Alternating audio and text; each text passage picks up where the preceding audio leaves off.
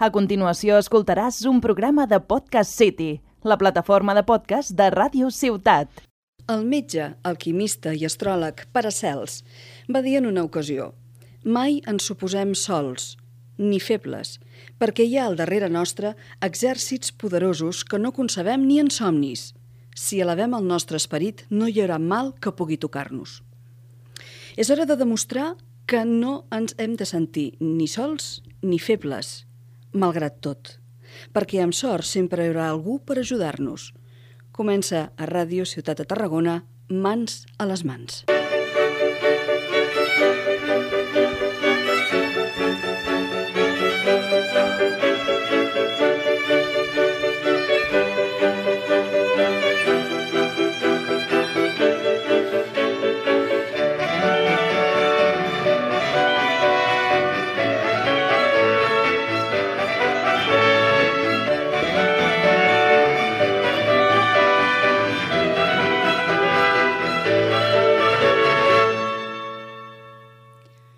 Som a les acaballes de 2019.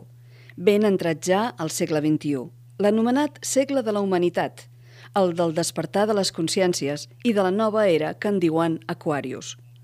Amb tots els coneixements que té la humanitat i els enormes avenços que diàriament fa la tecnologia, hauríem de ser feliços, hauríem d'estar satisfets i fins i tot certament cofois.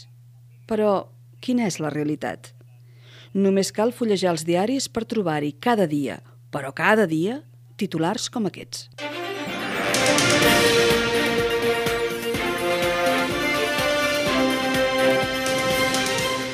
El periódico España, paraíso de la desigualdad social. El País, el 14% de les barcelonines víctimes de la violència masclista. La meitat dels homes que participen voluntàriament en un projecte de reeducació a l'Ajuntament ho deixen abans d'acabar-lo.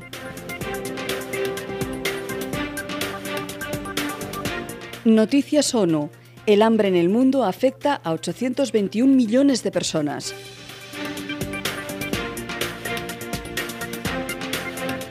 El periódico.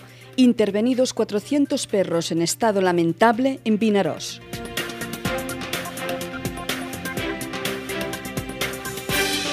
Diari Ara. L'escalfament de l'aigua dels oceans és més intens i més ràpid del que es creia. Un estudi de la revista científica Science revela i conclou que el 2019 ha sigut l'any més càlid. Diari Ara. Els 10 reptes de la humanitat. El panorama, a simple vista, resulta poc esperançador, no gaire encoratjador, i no hi ha ni una sola regió del món que estigui exempta d'aquestes i d'altres xacres. Ara bé, la creu de la moneda té també la seva cara amable, rere la qual hi ha noms, adreces, emblemes, motivacions, grans objectius, persones voluntàries totalment anònimes, enormes professionals, dosis gegantines de voluntat i molta vocació per lluitar contra aquests i altres problemes tan o més greus. Llavors, els titulars de mitjans de comunicació canvien totalment de to i de signe, aportant als lectors, als oients, als televidents, un bri d'esperança.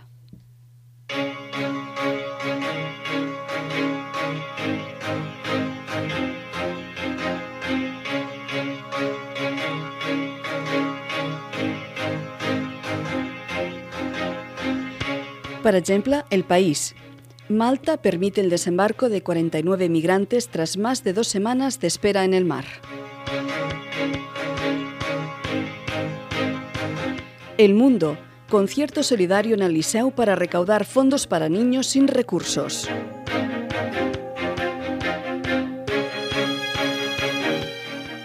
El País. La campaña Cap nen recauda 38.485 euros. El objeto más valorado en la subasta ha sido una portada original de Mortadelo y Filemón vendida por 3.200 euros. La ONG Magic Wheelchair transforma sillas de ruedas infantiles en los vehículos de sus héroes preferidos. la Fundació Vicente Ferrer aviva la solidaritat en tiempos difíciles.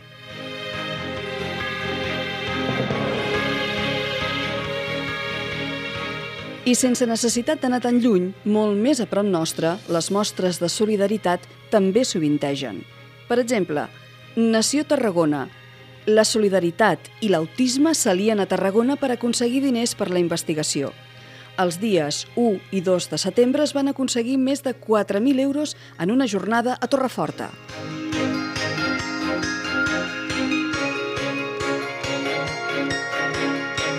Nació Tarragona. La solidaritat per la Marató s'escampa pels pobles i ciutats de Tarragona. Trobades de tions, travessies de nedador, vermuts i caminades són algunes de les desenes d'activitats organitzades.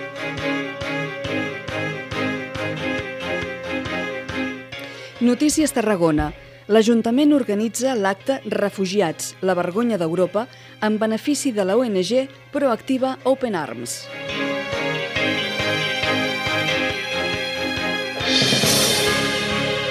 Notícies Tarragona.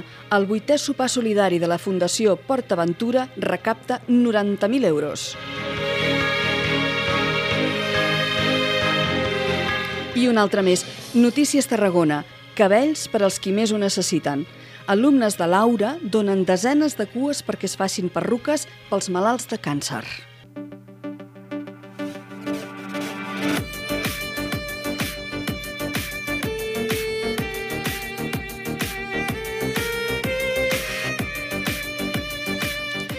Heus aquí infinitat de notícies de caràcter positiu. Totes elles amb un clar component, amb un denominador comú, la solidaritat.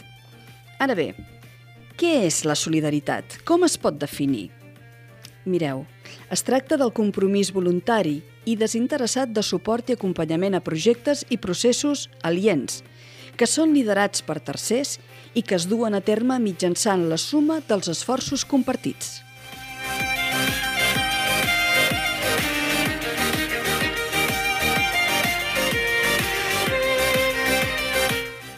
Un acte solidari no es paga amb diners, bàsicament perquè no en reclama. És una acció altruista, desinteressada i convençuda que es fa voluntàriament per contribuir, en la mesura del possible, a ajudar una causa concreta.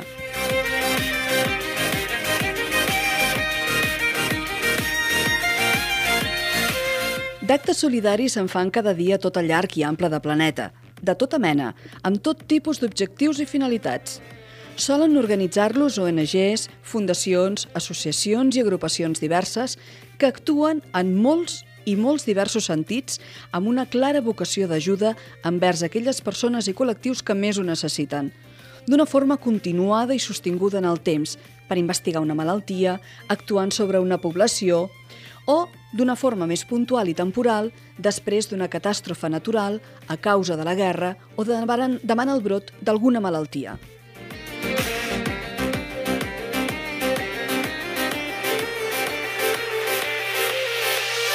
Moltes persones han convertit la solidaritat, l'ajuda, la lluita en el centre de les seves vides, fins i tot de les seves vides professionals, heroics, entregats full-time, convençuts de la causa que defensen i per la qual lluiten, vinculats a organitzacions no governamentals que es deixen la pell en cadascuna de les seves empreses. A nivell més proper, però, eh, no per això menys important, distintes associacions formades per persones que converteixen problemàtiques, que s'uneixen per fer-se visibles davant una societat que té cada dia més pressa i que d'una altra manera les ignoraria completament, obviant la seva existència i les dificultats contra les quals lluiten en tots els sentits. Es tracta de les entitats integrades en la taula del tercer sector.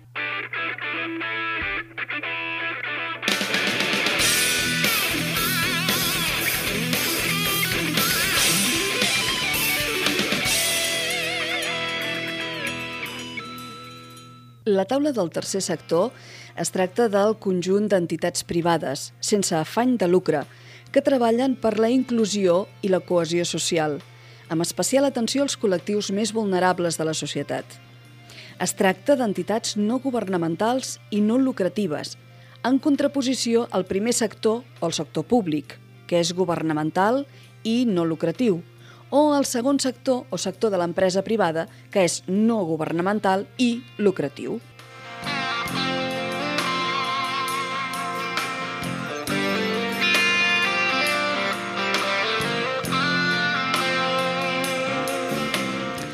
Ara bé, la importància creixent del tercer sector pel que fa a les seves accions cíviques i socials encaminades al desenvolupament de distintes polítiques socials l'ha convertit a hores d'ara en el quart pilar de l'estat del benestar.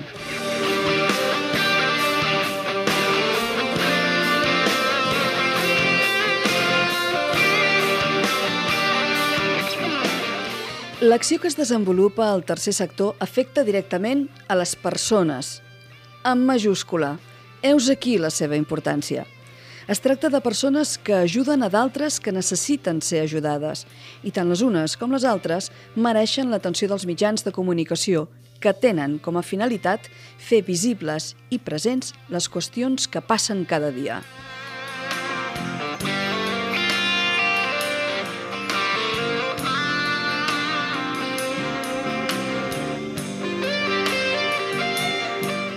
Us donaré només algunes dades rellevants. Mireu, entre els anys 2017 i 2018, les entitats catalanes van comptar amb el suport i col·laboració de 560.000 socis, 564.000 donants, 367.000 voluntaris i 87.700 treballadors. Les entitats socials van atendre més d'un milió i mig de persones durant el 2017 Només a Catalunya existeixen 35 federacions que agrupen 3.000 entitats i només a Tarragona hi ha 144 entitats pertanyents al tercer sector. Parlem-ne. I més encara, parlem amb ells. De la idea de visibilització neix aquest espai que tot just avui es presenta i que es diu Mans a les mans. Són objecte de la nostra atenció totes les causes que fan referència a les persones, als animals, a les plantes i al medi ambient – és a dir, nosaltres i tot el que ens envolta. Donarem la importància que mereixen les entitats, empreses privades, fundacions i institucions que tenen en compte els actes i activitats de les ONG i els donen empenta. Benvinguts, sou a casa vostra.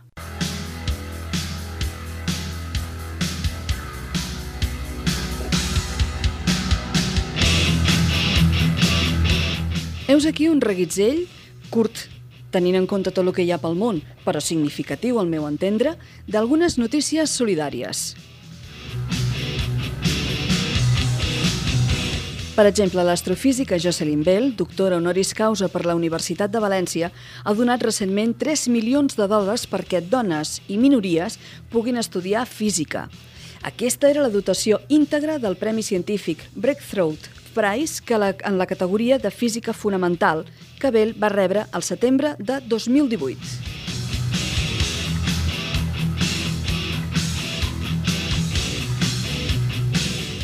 Michael Jordan, el conegudíssim esportista, obre dues clíniques mèdiques per famílies amb baixos ingressos. La primera de les dues clíniques es muntarà, que muntarà l'estrella del bàsquet està ubicada a Charlotte, a Carolina del Nord. I ell mateix diu, això és una gran emoció per mi, a ser capaç de retornar a la comunitat que m'ha recolzat al llarg dels anys, va dir el sis cops campió de la NBA. La clínica familiar Michael Jordan està associada al Norvand Health.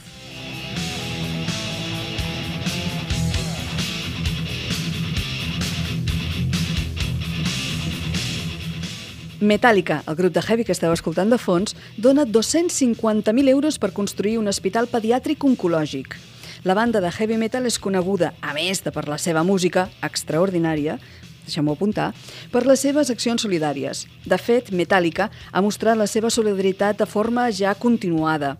A la seva darrera visita a Espanya, fa uns quants mesos, van donar 118.000 euros per finalitats solidàries, una acció que han repetit en diferents països. A Romania, Metallica ha donat aquests 250.000 euros que anomenàvem, que comentàvem, a l'associació d'Auriste Viata, que significa donar vida, per tal de construir un, un hospital pediàtric oncològic, de fet, el primer del país.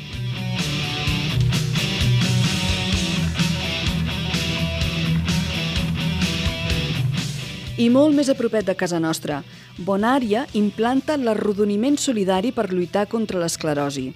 La cadena de supermercats arriba a un acord amb Worko eh, per destinar fons a la lluita contra la malaltia, implementant l'arrodoniment solidari, de manera que tots els diners que donin als clients aniran destinats a la lluita contra l'esclerosi múltiple.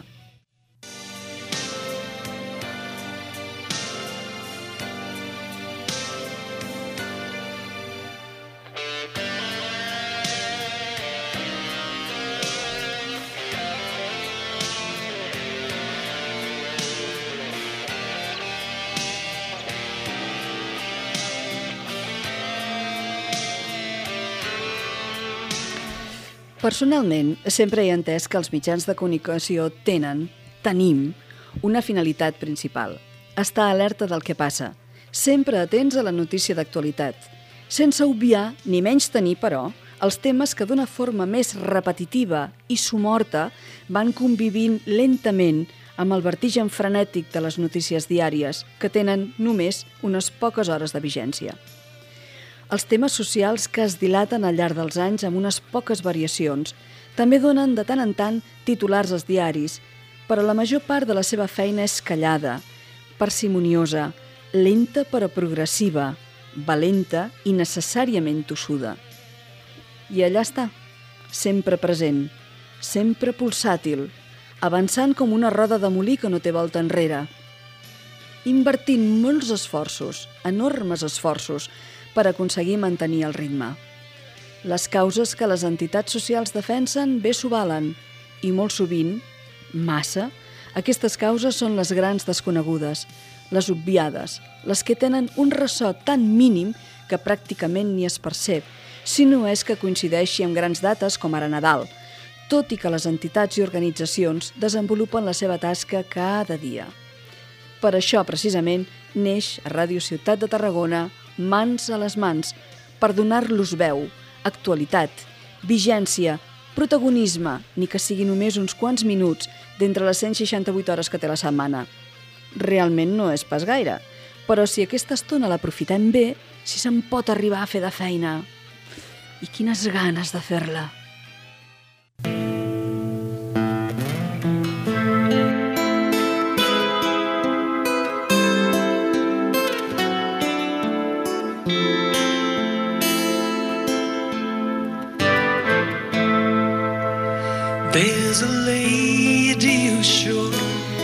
Diuen que hi ha una dama que es mirava al cel i que volia una escala daurada per poder-hi pujar. Que quan pujava en aquesta escala que volia comprar, mirava a veure en quin estat es trobaven les botigues. Però ella el que volia era una escala per enfilar-se al cel. De vegades passa que volem coses que són difícils, si no impossibles. Tanmateix, parlar-ne, tractar-les, ubicar-les en el seu lloc just i exacte, moltes vegades pot ser una gran ajuda. Aquí tenim mans a les mans, que neix avui i que esperem que tingui una certa vigència, una certa vida per endavant. Us hem acompanyat el Toni Garcia i us ha parlat Roser Pros. Fins al proper podcast. Bon dia. There's a sign on the wall But she wants to be sure Cause you know sometimes words have two meanings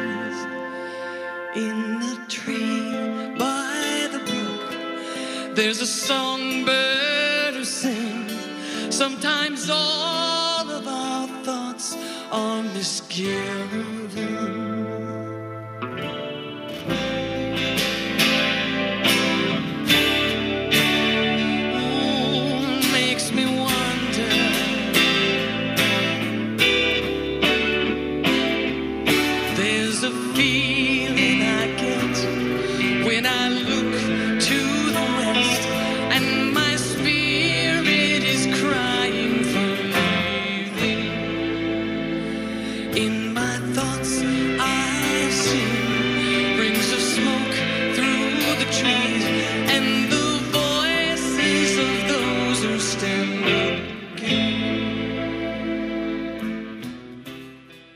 Has escoltat un programa de Podcast City, la plataforma de podcast de Ràdio Ciutat.